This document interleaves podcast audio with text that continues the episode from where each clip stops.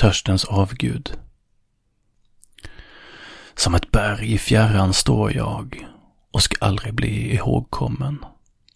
Varningar ska dö med mig som oberättade berättelser. Stadens nerver gräver sig utåt skogarna.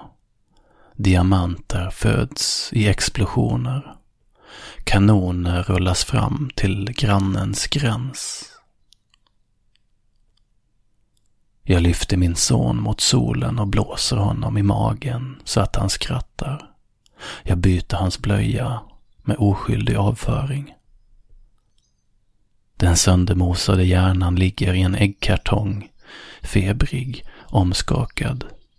Jag ska snart öppna min huvudskål och fösa ner hjärnan dit igen.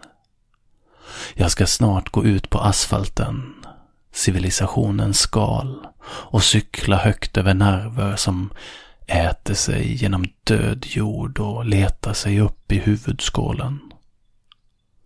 Det är dag och dagen är arbetets tid. Detta är en tid av självhat och attentat, ingen källa att dricka och ingen mat.